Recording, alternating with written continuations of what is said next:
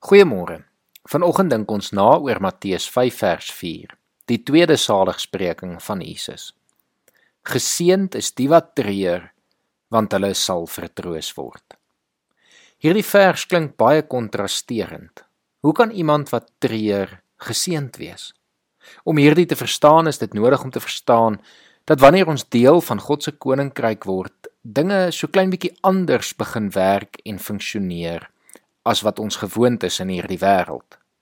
Wanneer ons afhanklik van God begin leef, kan ons nie anders as om die wêreld te sien soos hy dit sien nie. En dan kan ons eintlik vra, hoe is dit vir 'n gelowige moontlik om nie te treur nie? As ons deel word van God se koninkryk en besef wat God se wil en plan vir die aarde en vir die mensdom oorspronklik was en ons sien dan hoe stikkend en gebroke alles geword het, tesame met die skade wat ons aan hierdie aarde aangebring het, kan mens nie anders as om te treur nie. Connie Burger beskryf hierdie saligspreking as die eerste reaksie wat enige gelowige binne hom of haarself sal hê na hulle tot bekering gekom het. 'n Reaksie na binne om te treur oor ons eie en die wêreld se gebrokenheid. Maar hoekom is mense wat treur dan geseënd?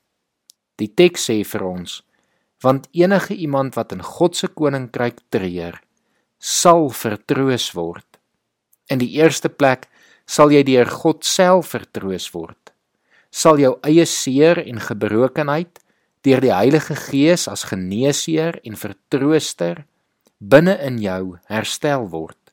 Ons weet dat God self sê dat hy ons sal vertroos. Ons trane sal afdroog en ons sal herstel.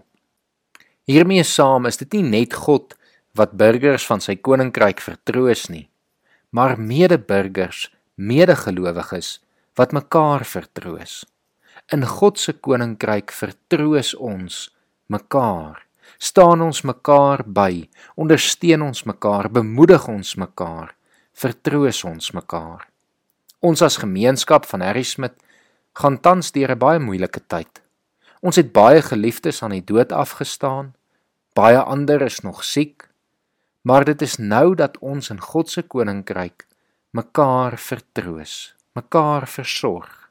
Ek sien en hoor dit daagliks. Ek ervaar dit en ek sien deur dit alles hoe iets van God se koninkryk so mooi en duidelik te midde van die seer, die lyding en ons pyn en hartseer 'n werklikheid word. En hierdie gee my en ek hoop alle mense wat vanoggend luister, ook weer hoop. Hoop omdat ons nou al reeds iets sien en beleef van die werklikheid van God se koninkryk wanneer dit ook in sy totaliteit sal aanbreek. Ons as gelowiges weet immers wat God se plan is. Ons weet hoe hierdie verhaal waarmee ons nou besig is, gaan eindig. Ons weet waarheen ons op pad is. Ons weet dat daar 'n tyd kom wat God se koninkryk so gefestig sal wees dat daar geen meer dood, pyn, lyding of hartseer sal wees nie. Daarom bemoedig ons mekaar nou, bly ons volhard en weet ons ons is nou geseënd. Selfs al moet ons ook vir nou nog treur. Kom ons bid saam. Here, ek wil vanoggend vir elke persoon wat hartseer is kom bid. Vir elke persoon wat op die oomblik rou, wat treur, waarvoor die omstandighede op die oomblik net te veel voel en te veel word, Here.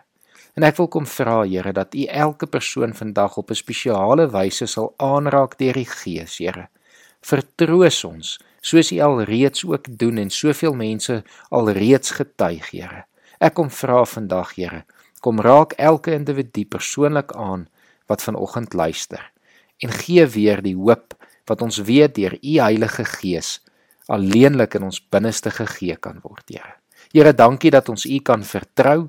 Dankie dat ons op U beloftes kan staatmaak, Here, en kan weet ons is op pad na 'n oorwinning.